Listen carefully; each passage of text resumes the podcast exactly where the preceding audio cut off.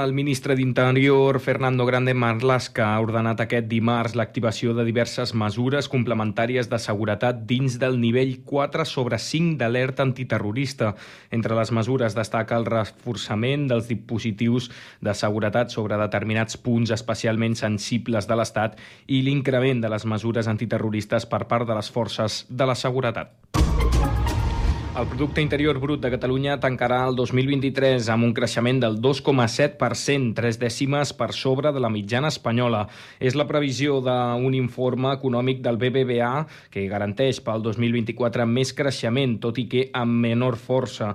L'economista Miguel Cardoso, que ha presentat avui l'informe Situació Catalunya, apunta altres previsions optimistes. 180.000 llocs de feina fins al 2024 i una taxa d'atur sota control. Si se cumplen estas perspectivas, lo que esperamos es que la economía catalana pueda crear en promedio 90.000 puestos de trabajo por año, 180.000 en el conjunto de los dos años y que la tasa de paro pueda reducirse al entorno del 8%. El consum i la demanda interna expliquen en bona part aquest comportament positiu de l'economia catalana.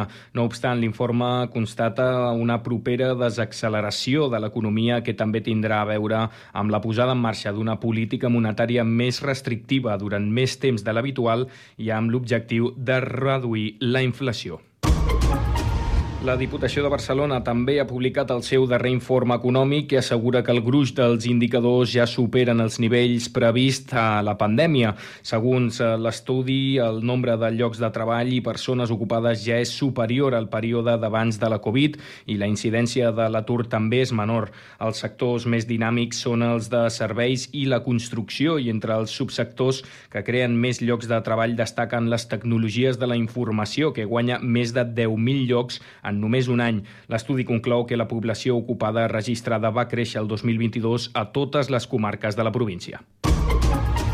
I en esports, l'Atlètic Club serà el rival del Rubí a la primera eliminatòria de la Copa del Rei. També rebrà un equip de primera, el Badalona Futur, que rebrà el Cádiz. Pel que fa a la resta de catalans, el Girona visitarà el San Roque de Lepe i l'Espanyol viatjarà fins les Canàries per jugar contra el Mensajero. A més, destaquem el Terrassa Albacete, Manresa Oviedo, Europa Ells i el Nàstic Oriola.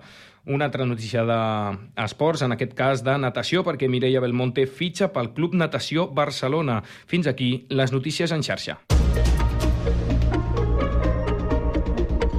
Notícies en xarxa.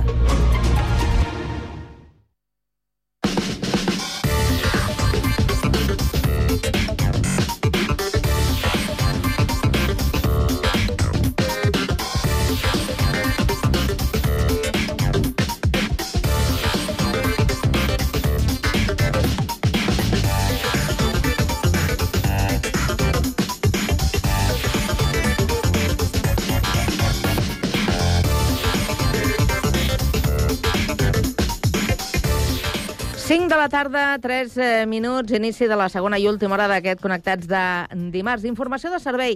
Avui comencem pel trànsit per eh, indicar que, tot i que en principi és una tarda força tranquil·la, sí que hi ha circulació amb retencions a la C33 en el tram entre Barcelona i Montcada i Reixac en direcció cap a l'accés a Rondes. De moment és el més significatiu, segons informa el Servei Català de Trànsit. Per tant, anem fins al Transmet, internet per comprovar com està funcionant el transport públic. Albert Garram, bona tarda. Doncs a hores d'ara ja s'ha solucionat la incidència a la línia R4 de Rodalies, que estava activa. D'una banda, recordem que s'ha solucionat les afectacions a Sant Sadurní de Noia i també, per l'altra banda, a l'alçada de Terrassa, que tot i que s'ha restablert la circulació en aquest punt, s'hi acumulen encara algunes demores puntuals. No destaquem cap altra alteració més, però sí que recordem que degut a les obres de desdoblament de la línia R3 i el tall produït entre les estacions de Mollet i el Figaró, aquests usuaris afectats es recomana que consultin els serveis alternatius disponibles. Ara sí, de moment això és tot des del Transmet.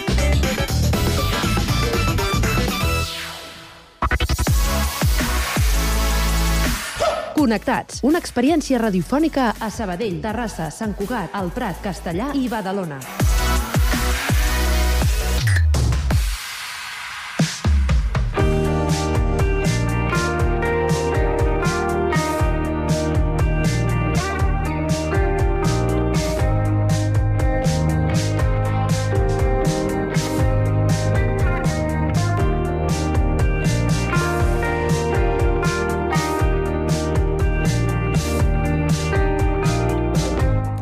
L'entitat Suport Castellà celebra el seu 25è aniversari amb una programació d'activitats culturals, tallers d'esport i formació i accions de sensibilització.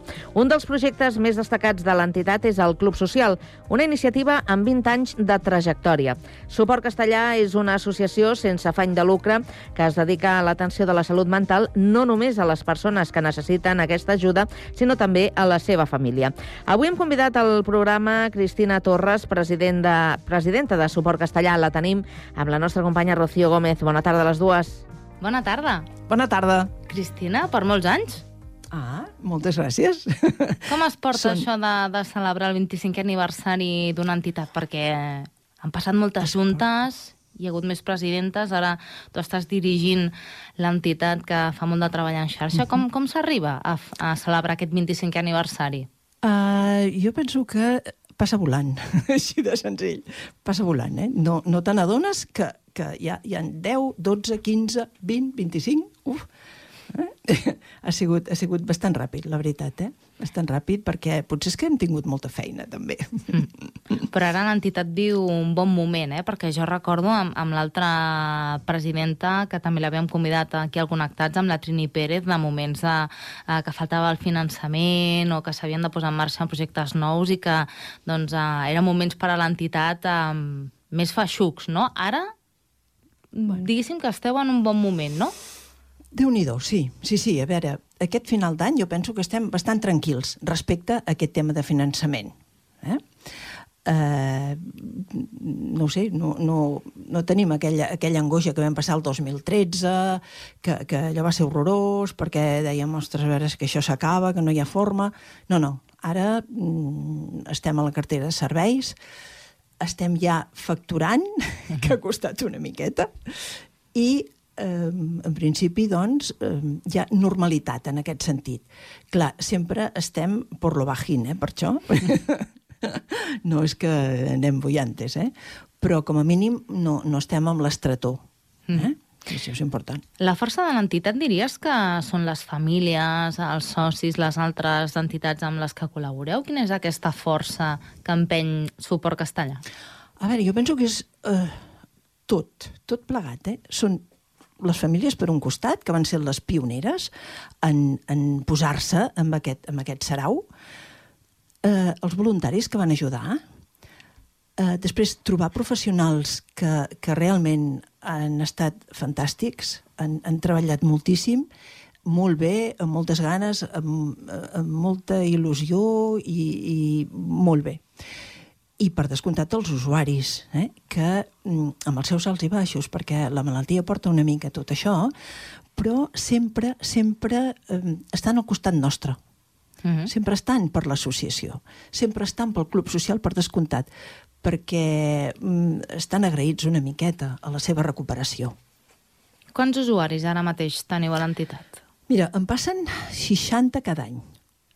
Mm, eh, fan mm, una pila de tallers i no tots van a tots els tallers. Eh? Són mm. tallers doncs, que hi pot haver 8, 10 persones, eh, quan a l'assemblea, per exemple, l'assemblea setmanal, acaben sent 20 i pico persones, perquè allà es decideixen moltes coses. Uh -huh. Llavors, doncs, tothom procura ser-hi.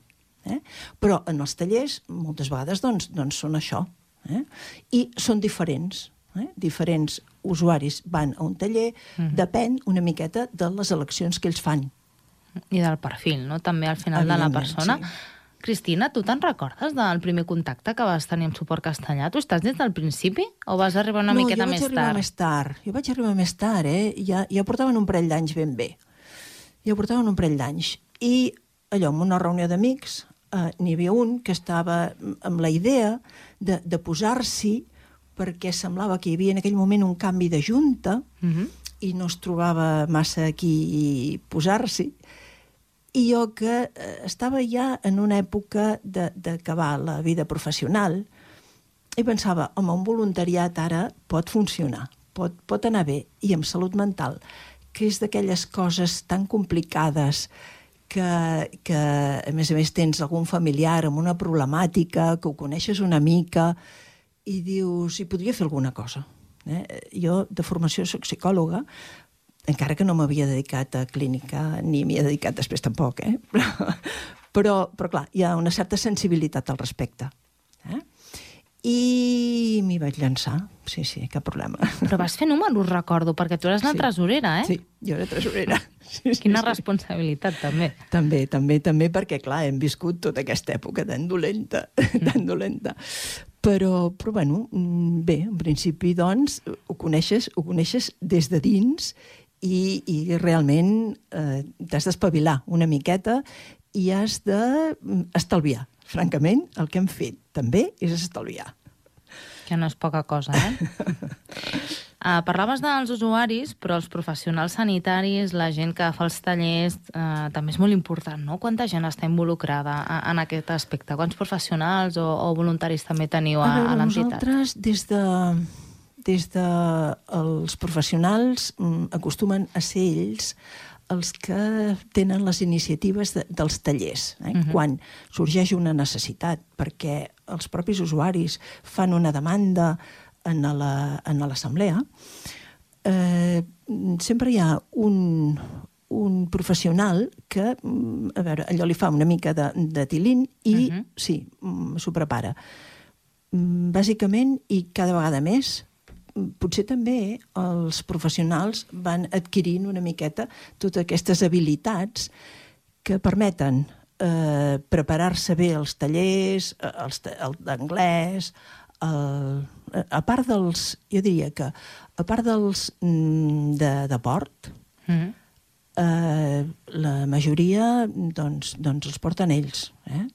És veritat que mm, ara estava repassant una mica tot el que heu fet aquest octubre, que heu estat celebrant el 25 aniversari, una rossada espectacular, que a més a més el càtering el, el van fer des de l'Amanidor, que això és un projecte de TEP castellà també d'inclusió social, per tant. tant, tot queda... és economia circular, eh? Tot, tot, tot es tanca, és un cercle tancat, no? tant sí. Ah, heu fet cinema, heu fet uh, les jornades aquestes esportives a, a l'Espai Tolrà, heu participat al Correllengua, eh, heu fet una lectura uh, a la biblioteca d'Antoni Tort, Mm-hmm. uh, no heu parat, eh? A més de la salut mental i a més a més coincidint amb l'aniversari, uh, Mm-hmm. Sí, sí. A heu veure. arribat a casa cansats, eh? És, és un mes, un mes, no és un dia de la salut mental, és un mes de la salut mental. Eh? I, i, anem, I anem participant allà on veiem i intentem involucrar no? Mhm. entitats, eh, etc. I tant que sí. La Carme ha fet 5 cèntims del que és suport castellà, però tu, amb les teves paraules, com ho explicaries? Algú que et pregunti, escolta, Cristina, i, i aquesta entitat que presideixes, què és? A veure, eh, és com el seu nom indica. Està donant suport a la salut mental. Eh, que, mm, a veure, no només les persones afectades, doncs perquè tenen una experiència de- d'un problema de salut mental, sinó a tothom qui es vol apropar, perquè mm, amb les famílies eh, fem molta feina també, tenim un, un grup d'atenció a les famílies que el porten dos professionals. I en aquí mm, hi tenim eh, famílies que inclús els seus, eh, les persones eh, amb problemàtica no, no venen al club social alguna d'elles. Eh? Però, en canvi, la família sí que ve i que troba en aquest, en aquest entorn un, un eh, jo diria, és trobar-se amb companys que tenen una problemàtica similar i que han pogut eh, veure mm, noves maneres de- de- d'enfocar-ho de, i aprenen una mica els uns dels altres. És, és això, el grup aquest. Una comunitat de, per compartir Sí, experiències. sí. No, no arriba a ser un grup d'ajuda mútua, Mhm. però sí que ho és, d'alguna manera. Eh? Perquè els professionals el que intenten és que surtin eh, de cadascuna de les famílies totes aquelles eh, situacions que eh, es poden millorar i entre uns i altres fan aquesta, aquesta millora.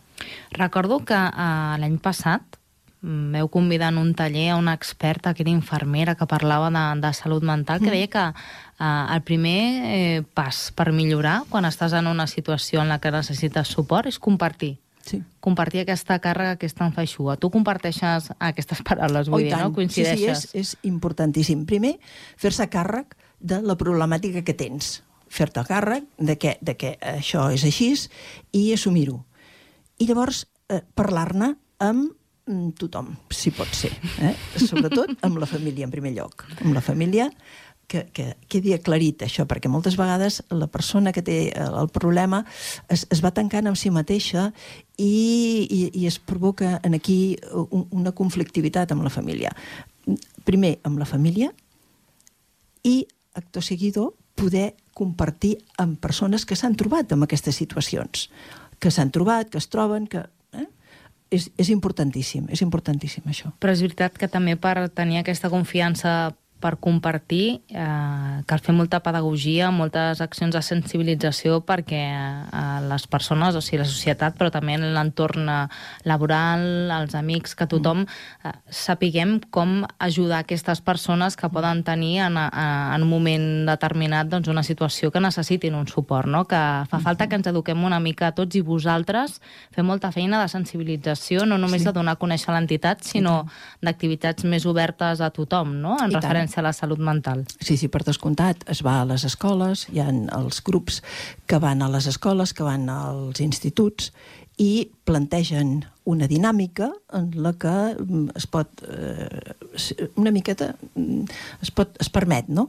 que els, els joves puguin participar també i puguin fer-se càrrec de que eh, si veuen que un company té un, un, un lapsus d'aquests, doncs ajudar-lo, simplement. Aquesta pedagogia és importantíssima de fer. Cristina, també ara parlaves molt del Club Social i és una de les coses que jo sé que de les quals esteu més orgullosos. Eh, 25 anys de suport castellà, 20è aniversari del Club, del Club Social. Social. Feu moltíssima feina aquell, eh? I també teniu molta, molta activitat i, i molta gent que, va circulant. Sí. Què és el Club Social? Uh, un lloc d'atenció per una reincorporació social de la persona que ha tingut aquesta experiència en salut mental o que l'està tenint. És recuperació social, simplement. M'ha agradat com ho has dit, experiència en salut mental, eh? Sí, sí, sí, sí. sí. És, és això, eh? És haver experimentat eh, tota una problemàtica mm -hmm. eh? O estar experimentant-la, senzillament. Sí, sí. I com es fa aquesta reinserció, això de tornar-te a reenganxar, no? A, a veure, d'entrada amb els companys, allò que deies, eh? els companys ajuden moltíssim. Eh? Aquest entrar en un, en un establiment en el qual eh, trobes persones que s'han trobat en situacions molt semblants. Eh? I mm, t'adones de, que, de que hi ha moltes persones en situacions molt semblants. Eh? Llavors, això eh, clar, no, no només això, sinó que després tu pots treballar en allò que et fa gràcia de, de fer, allò que, que mai has pogut potser acabar fent, i ho pots proposar. Eh, pots anar a aquells tallers que s'estan fent i que et són satisfactoris, pots fer de por, uh -huh. eh? pots anar al cap de setmana a veure algun, algun espectacle que d'altra manera eh, seria econòmicament molt costós, en canvi, per a Propa Cultura, el programa aquest et permet, doncs, per molt pocs diners, gaudir d'aquest espectacle. Què és Apropa Cultura? Apropa Cultura és eh, una organització de molts, de molts teatres eh, que eh, entren en un programa uh mhm. -huh. i faciliten entrades a preus molt mòdics uh -huh. a persones que doncs, realment ho necessiten. Eh? Molt bé, doncs quina, quina bona iniciativa Molt. i el Club Social, doncs eh, diguéssim que suposo que entreu allà i teniu com una agenda de totes les activitats, sí. els tallers sí, i, i sí, la gent sí, es va sí, apuntant sí, i sí. doncs eh, sí, sí. de vegades la salut mental també és eh, anar al teatre, fer una mica sí. d'esport, compartir un cafè sí. i compartir conversa, no?, que sí. dèiem? I és allò de la, de la inserció social, perquè si jo vaig al, al Liceu i em veig un, un, el que sigui, l'espectacle que sigui, em puc parlar amb la família, em puc parlar amb els companys, em puc parlar amb els amics, em puc parlar amb els veïns. I si arrel d'un problema de salut mental em quedo a casa, mmm, tot això ho he perdut. Per tant, això és primordial, tenir, tenir aquesta possibilitat de compartir allò que he escoltat, allò que he viscut amb els altres et normalitza, senzillament. Carai, no? és que és veritat, eh? Dius allò, veritats com punys. Estem acabant l'entrevista i m'agradaria que, que destaquessis una de les activitats de la programació d'octubre, que també eh, la feu des de fa uns anys, que és l'espectacle Som Salut Mental, que uh -huh. és un espectacle artístic eh, i treballeu de bracet amb altres eh, entitats, uh -huh. eh, associacions que també es dediquen a l'àmbit de la cultura. Què ens pots avançar? Perquè sé que sem sempre dius és que fins que no arriba la data sí. no m'agrada dir moltes coses, és però que, és que hi ha alguna no podem... cosa? Això és el 28 d'octubre a les 6 de la tarda, Auditori sí. Miquel Pont. Sí. Quines a les entitats? Sí que ens pots explicar, ens pots avançar qui participarà? No. no, no passa no, res. D'entrada perquè jo tampoc no porto, és a dir, que tampoc ho sé ben bé, eh? Tampoc ho sé ben bé. Però, però ja començarà l'espectacle a la plaça, a la plaça del, del Mercat. Mm? Ja començarà. I eh, entrarem cap a dins, i, i aquí es desenvoluparà tot el de més. És com, un, com una performance, eh? Ah, sí? Més o menys.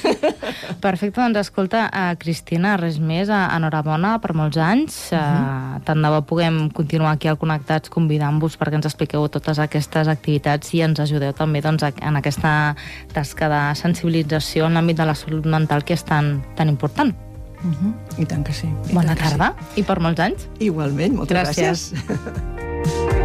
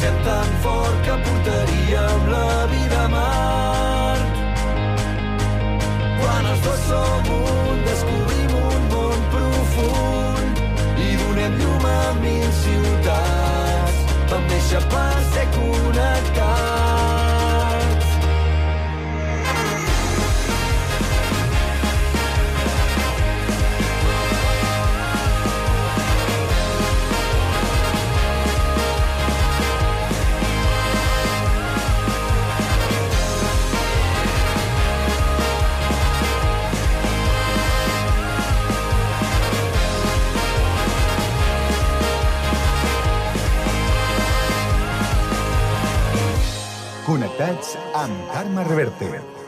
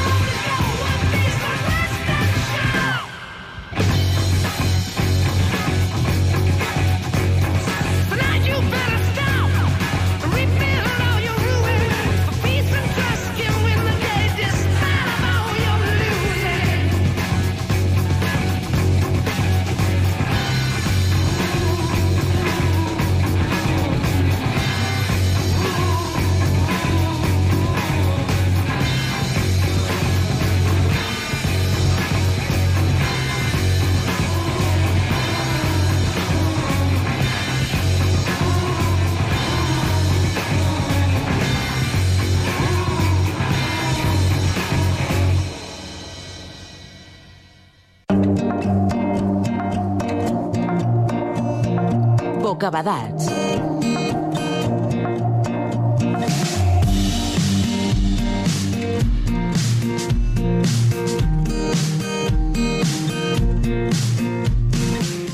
I avui, en aquest espai dedicat a la llengua, doncs anirem novament fins a castellà.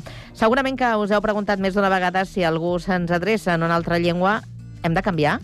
Uh, doncs bé, cadascú, en principi, hauria de fer el que consideri oportú, però avui escoltem l'opinió del responsable de la coordinadora d'associacions per la llengua de castellà, en Jordi Fuster. Amb ell eh, parlem també del Correllengua. Guillem Plans, bona tarda. Bona tarda, Carme. Doncs avui parlem de llengua i parlem del Correllengua. Ho fem amb el responsable de la coordinadora d'associacions per la llengua de castellà, el Jordi Fuster. Jordi, molt bona tarda. Hola, bona tarda. D'entrada, anem a pams. Al principi, què és el Correllengua?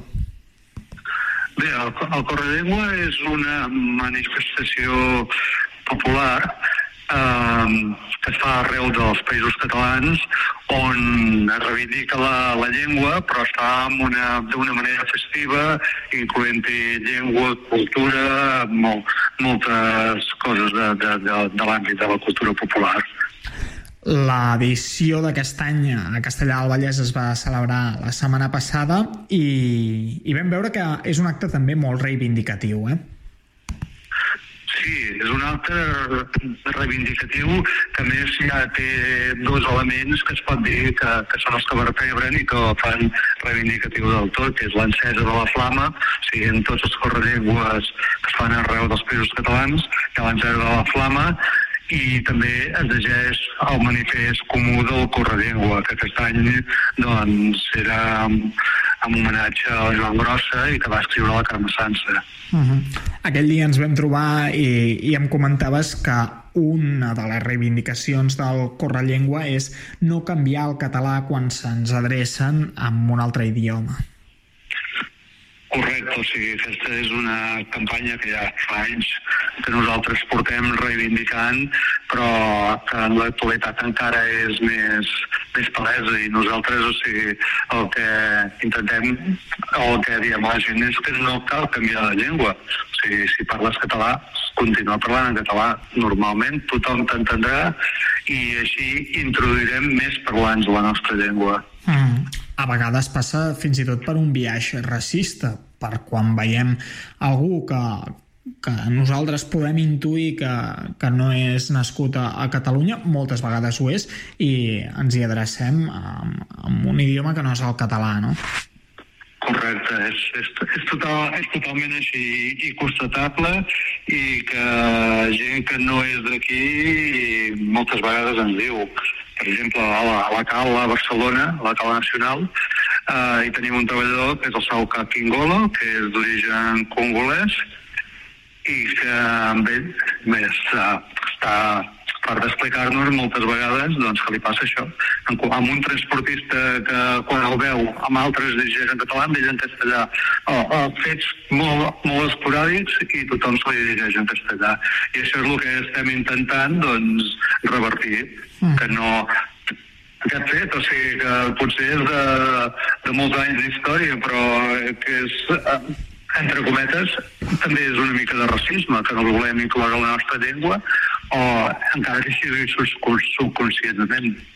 Després hi ha gent que diu que ho fa per respecte, per quan se li adrecen en castellà, doncs adaptar-se a l'interlocutor. Què en penseu? No, això és, és el que ara comentava fa un moment. O sigui, això és per, per l'educació per molts anys i que ve ja de, de, de segles, potser de tres segles, que ens han anat inculcant que, que la llengua comuna és el castellà i que tothom s'hauria de llegir en castellà, però és, bé, nosaltres volem viure plenament en català i considerem que eh, ens hem de en català i que no és una manca de respecte, ni molt menys. Mm -hmm. Jordi, quant temps fa que formes part de, de la CAL i organitzes el Correllengua? Aquí a Castellà, eh, aquest any eh, fa 19 anys que l'organitzem.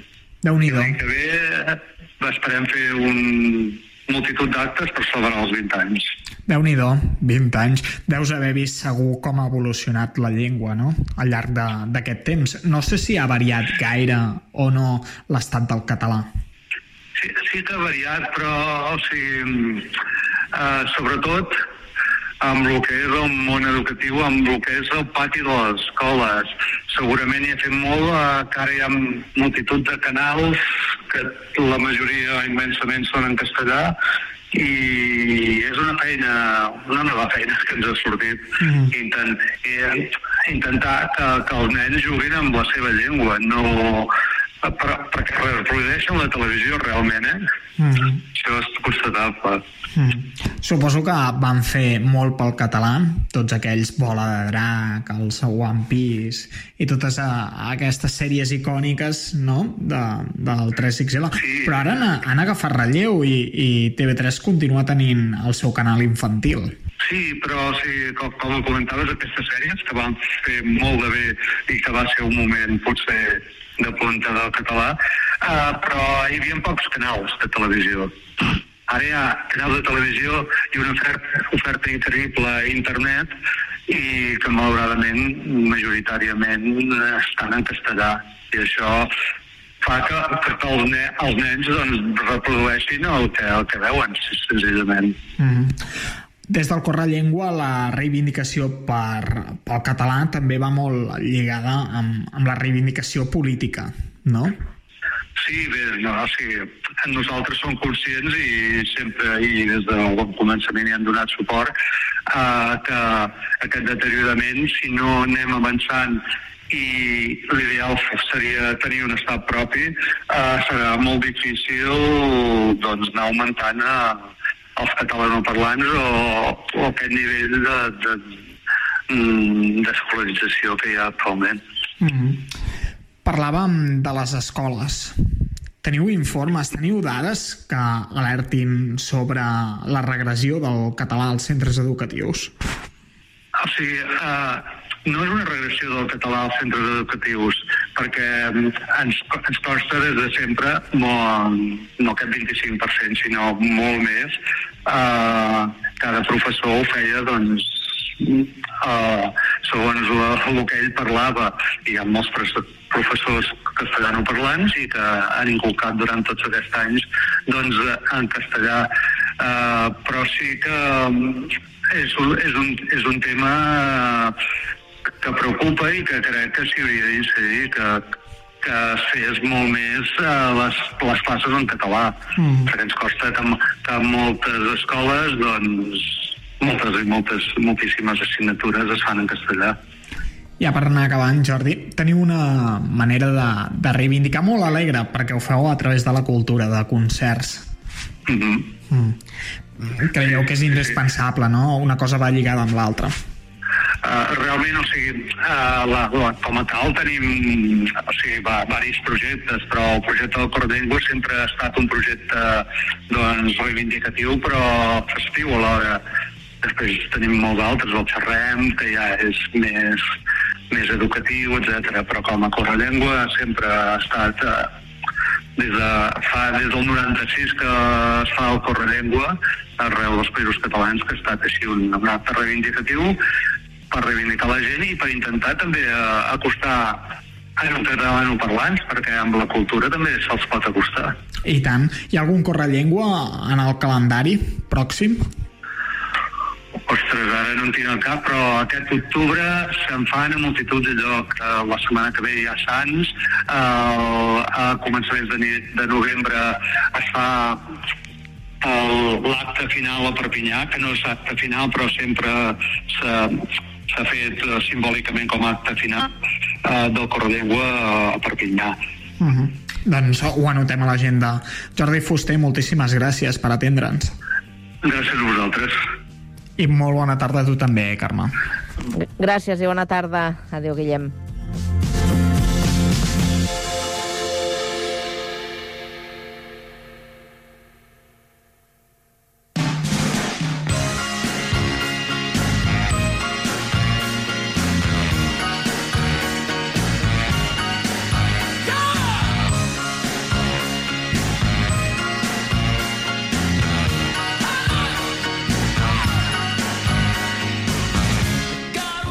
Dia com avui de l'any 1980, el cantant dels Estats Units, eh, Bruce Springsteen, eh, llançava el seu cinquè àlbum d'estudi, The River. Publicat per la companyia discogràfica Columbia Records, es va gravar als estudis Power Station de Nova York i va ser el primer gran èxit comercial de Springsteen, ja que va assolir la primera posició a les llistes de discos més venuts en diversos països, alguns dels quals eren Canadà o els mateixos Estats Units. Entre les cançons hi ha la mítica que dona nom al disc, The River, però també aquesta celebradíssima Hungry Hearts.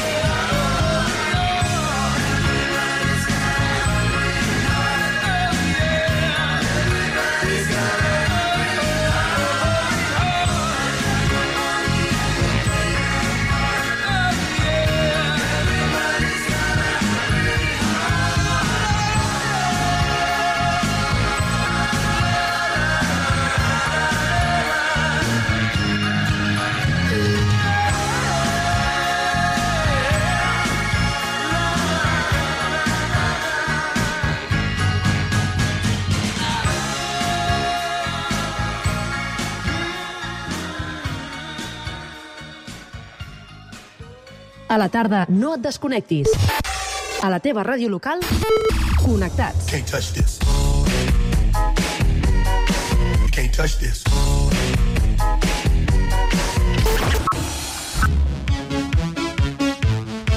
Can't touch this. Can't touch this. Connectats amb Carme Rebell.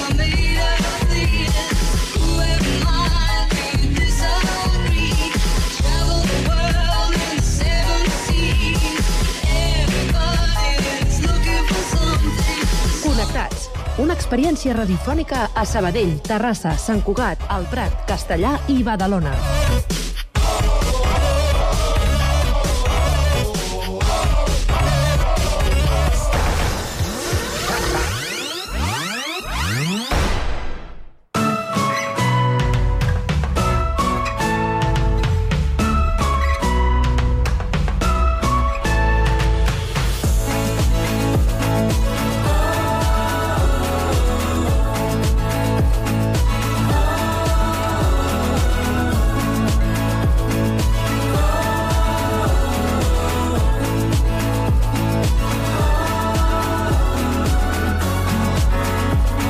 Última secció del Connectats d'aquest dimarts. Eh, el dediquem i ens centrem en el món de la cultura. Avui per explicar-vos que aquest cap de setmana Badalona se suma a la 48 Hores Open House, un festival que promou el patrimoni arquitectònic de diferents ciutats de la regió metropolitana. En parlem amb la directora del Museu de Badalona, la Margarida Abres. Molt bona tarda, Margarida. Hola, hola, molt bona tarda. Bona tarda. Diràs. Ta també, Bona deixa'm tarda. que saludem. Saludarem a la companya Andrea Romera, que es troba als estudis de Ràdio Ciutat de Badalona. Andrea, bona tarda. Bona tarda, Carme. Bé, doncs a la Margarida... Hola, li Andrea. Hola, Margarida, bona tarda, també. Li, li, li volem preguntar a la Margarida d'entrada que, que ens expliqui una mica quin és l'objectiu d'aquesta iniciativa, aquesta, o aquest 48 hores Open House, que és un festival eh, arquitectònic. Margarida. Sí, a veure, això ho organitza Open House i ells us ho explicarien eh, més bé que jo, però eh, l'Open House eh, és una, un- una associació que, que, que organitza aquests festivals que va començar en Barcelona i que els ha anat ampliant en altres localitats. En el cas de Badalona, fa, ara no et sabria dir si 4 o 5 anys, jo crec que 4 anys que hi participem. Mm. Al museu sempre sempre hi hem estat una part, eh, diguem, important, i aquest any el, sempre són temàtics. Eh?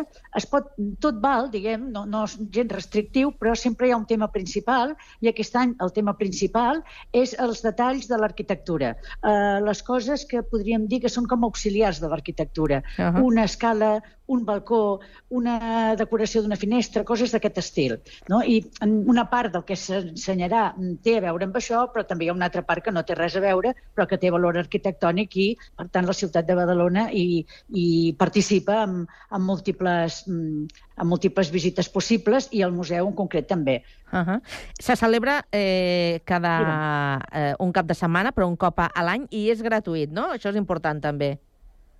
Sí, sí, les, que les, eh, mm, jo crec que sí, perquè ja et dic, com que no organitzem nosaltres, però bueno, en el nostre cas sí, segur que és gratuït, perquè a més a més, precisament una de les coses que fem és que el museu aquest cap de setmana serà gratuït. L'horari és el normal, o sigui, de 10 a 2, de 5 a 8 dissabte i de 10 a 2 diumenge, però l'entrada serà gratuïta. I després també es fan una sèrie de visites guiades, mm. que Mhm. pel qui li interessi l'arqueologia, jo destacaré evidentment més la que és pròpia del museu, no? eh, s'ensenyarà un espai que normalment està tancat, que aquesta és una altra gràcia també de l'Open House, cas del museu, evidentment, no, perquè estem sempre oberts, no? Però se, eh, hi ha un espai que normalment no és visitable, que li diem Espai Via Augusta, suburbi occidental de Baeto, la ciutat romana, que està en el subsol. És un espai molt petit, però és molt interessant. Conserva una part de la Via Augusta i els, es, pot, es podrà visitar en el subsol de l'edifici conegut amb el nom d'edifici Bicorp, que està en el carrer Coll i Pujol, al costat de la plaça Alcalde Xifré, també molt a prop del metro de Pompeu Fabra. Eh? Vull dir, és, és, bueno, si voleu que us dongui l'adreça exacta, és Coll i Pujol número 17. Mm. I aquí això també tindrà tindrà molta gràcia perquè si no s'aprofita aquest dia, al museu sí que molt esporàdicament també hi fem visites per iniciativa pròpia, no? però serà una bona ocas- ocasió per visitar-lo. Mm -hmm. Abans deies, Margarida, que el, el tema d'aquesta edició són els detalls eh, arquitectònics. En el cas del Museu de, de Sí. Badalona, quin detall arquitectònic destacaries tu?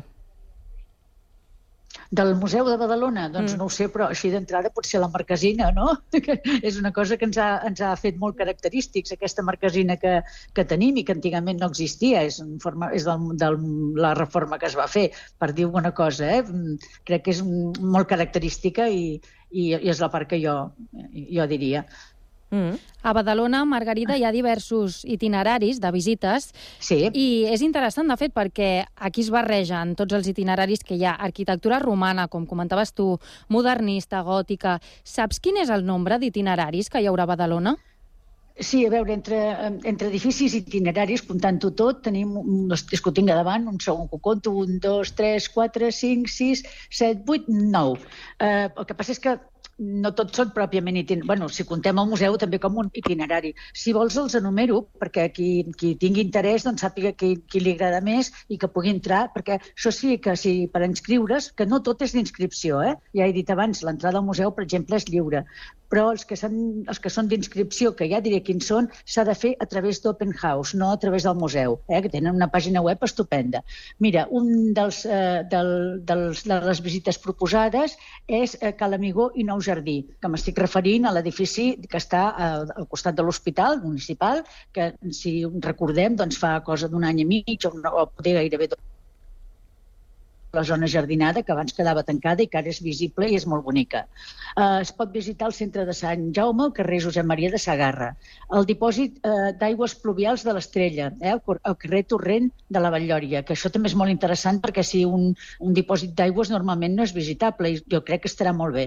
Es podrà visitar les oficines, eh, les oficines del Viver, aquí just davant del museu, on és l'Ajuntament, eh, l'espai de Via Augusta que he comentat en l'edifici Bicorp, el museu, que ja també l'hem esmentat, el monestir gòtic de Sant Geroni de la Murtra, que sempre també és visitable de manera habitual, però que sempre és una bona ocasió l'Open House doncs, per, per repetir-lo o, o per descobrir-lo a les persones que, que no el coneguin, perquè és una meravella.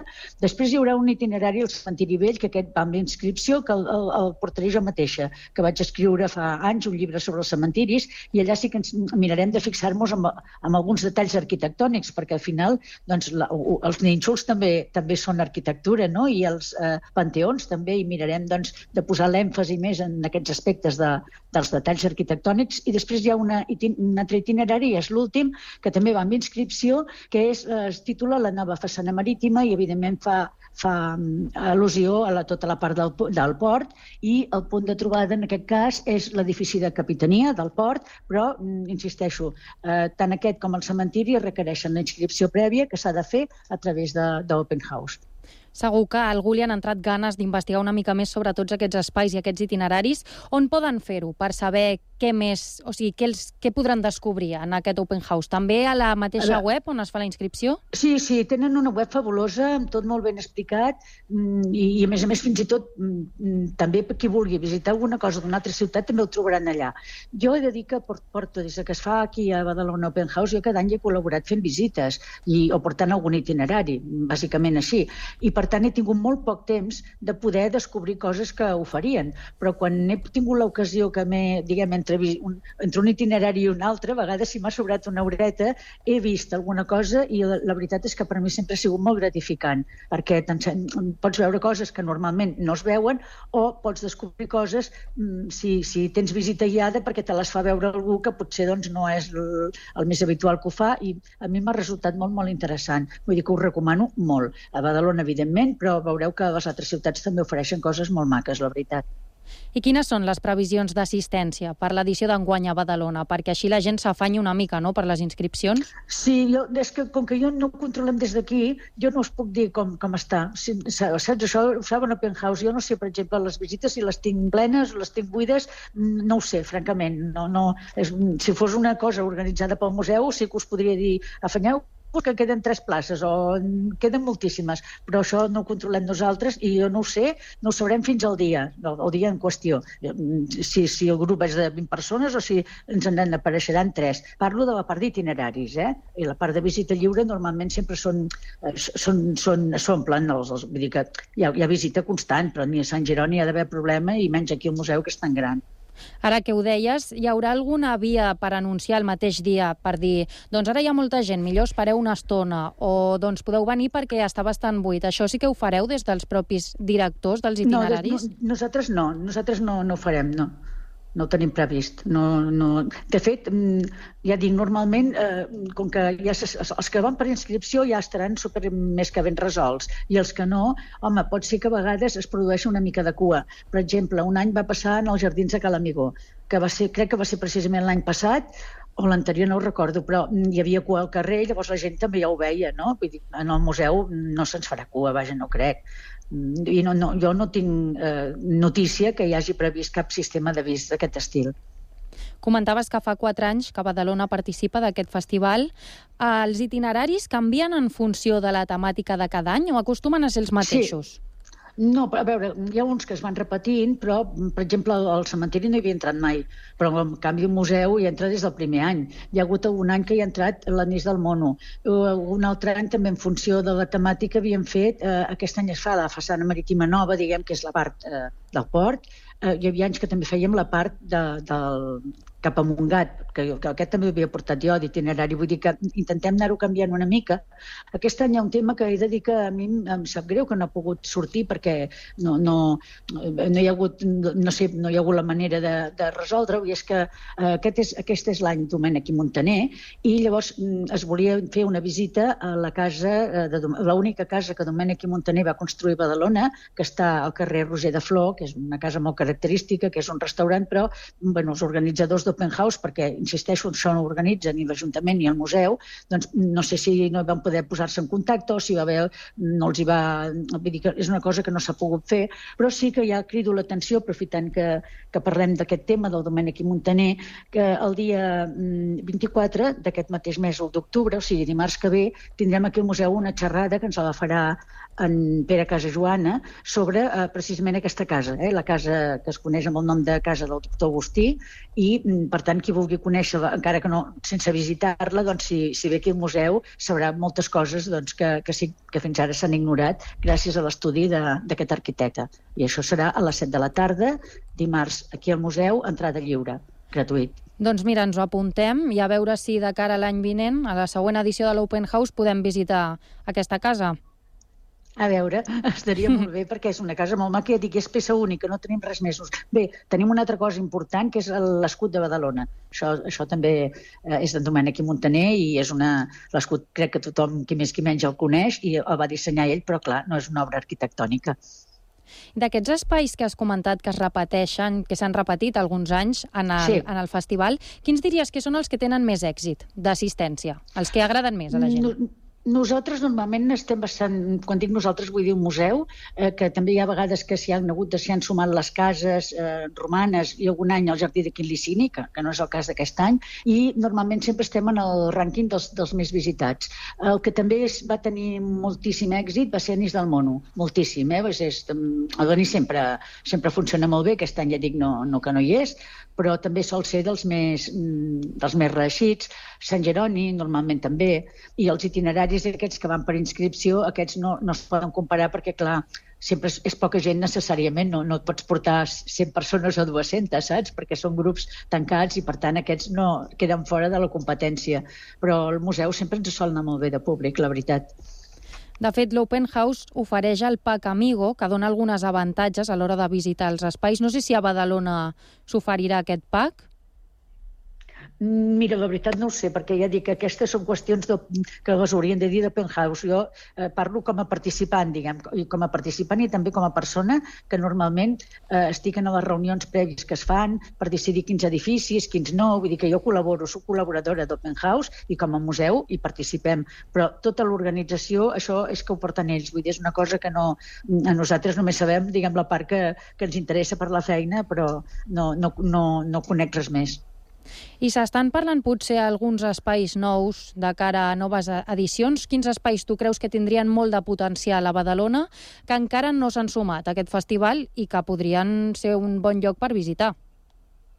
Mira, ara em, em, costaria de dir-ho perquè però hi ha coses que es podrien fer, per exemple, que no s'han treballat que jo recordi, i és fer algun recorregut per zones on encara quedessin cases dels anys 20, per exemple, que hauríem de mirar on hi ha, però jo crec que per allà, pel barri de, de la Salut encara ha de quedar alguna cosa, o l'entorn del Tura d'en Carits, això ho trobo un tema interessant una mica perquè la, es vegi com eren les cases del, dels, dels, de la migració, bàsicament, que va venir abans de la guerra. No? Mm, aquest és un tema, seria un tema maco d'explorar, de, no? tot i que malauradament cada dia en queden menys perquè clar, se substitueixen per pisos, no? però també podria ser un treball maco al, al previ, no? veure on tenim aquest tipus de cases no? i quin itinerari es pot vestir per ensenyar-ho, mm, perquè és realment una romanalla d'una època antiga i, a més a més, que jo recordi, no, no estan catalogades aquestes cases i per tant, com dic, ja n'hi ha poques i menys que en quedaran en, en poc temps. Seria per mi un tema bonic.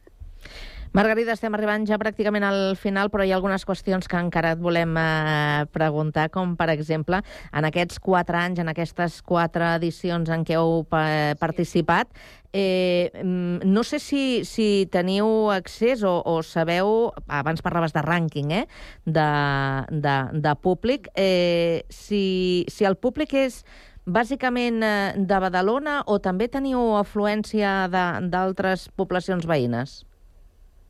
eh, tenim afluència d'altres poblacions veïnes. Això, a veure, no, no t'ho puc dir en, en plan científic, allò, perquè ho haguem preguntat, però la, sí que quan les persones venen, eh, aquí se'ls hi, fa, se'ls hi pregunta de quin barri o de quina ciutat. I sempre el cap de setmana Open House és un cap de setmana de gent de fora i també us ho dic per el que fa als itineraris, que jo, com que n'he fet jo també, i quan preguntes a veure què és de Badalona, sí que hi ha gent de Badalona, però moltes vegades ve gent, doncs, sobretot de Barcelona, que els hi ha fet gràcia fer una incursió a Badalona i que, clar, llavors has de fer el discurs una mica diferent, perquè si no ets de Badalona hi ha coses que no, no les saps o que no les tens assumides, no? Però sí, bé, jo, mm, la meva consideració és que ve sobretot gent de fora. Doncs eh, convidem a tothom, al públic en general, a que hi participi tant a Badalona, a l'Hospitalet, a Sant Joan d'Espí, Santa Coloma de Gramenet, a Sitges, a Vilassar de, de Dalt i a Barcelona, on es fa aquestes 48 hores Open House. Margarida Abres, eh, directora del Museu de Badalona, moltíssimes gràcies per passar pel Connectats i bona tarda. Moltes gràcies a vosaltres i fins ben aviat. Gràcies, Andrea, bona tarda. Bona tarda, Carme.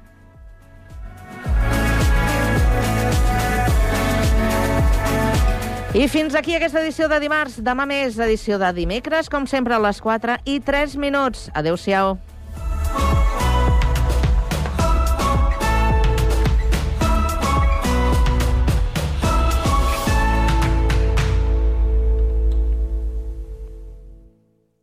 Hasta luego. El programa Cocodril Club arriba als 30 anys en antena. Vine a la festa d'aniversari. La celebrarem el diumenge 22 d'octubre de 18 a 22 hores a la discoteca Barrocos, Aribau 242 Barcelona, amb les cançons que més us agrada ballar de tots els temps. Actuaran com a padrins Leslie del Cirex Maldigo mi destino. Mi estrella se eclipsó. i Santi Carulla dels Mustang.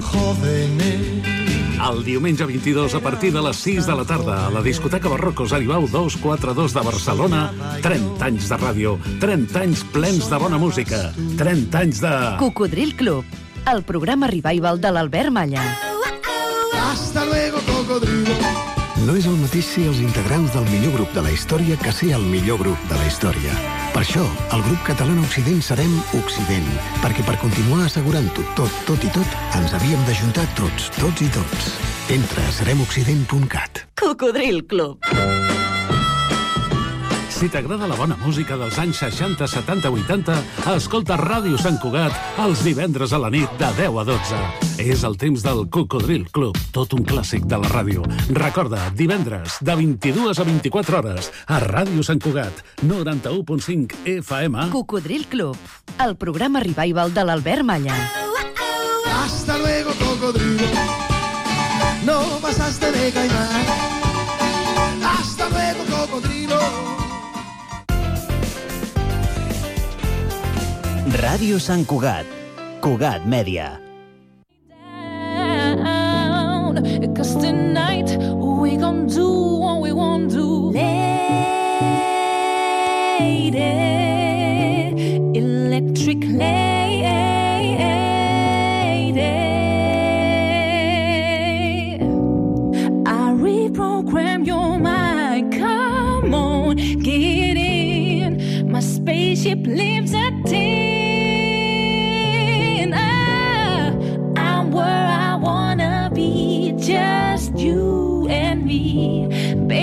Talking on the side as the world spins around. Can you feel your spine unwind? Watch the water turn to wine. Ooh, shock me one good time. Electric lady, but get away down. Cause tonight we gon' do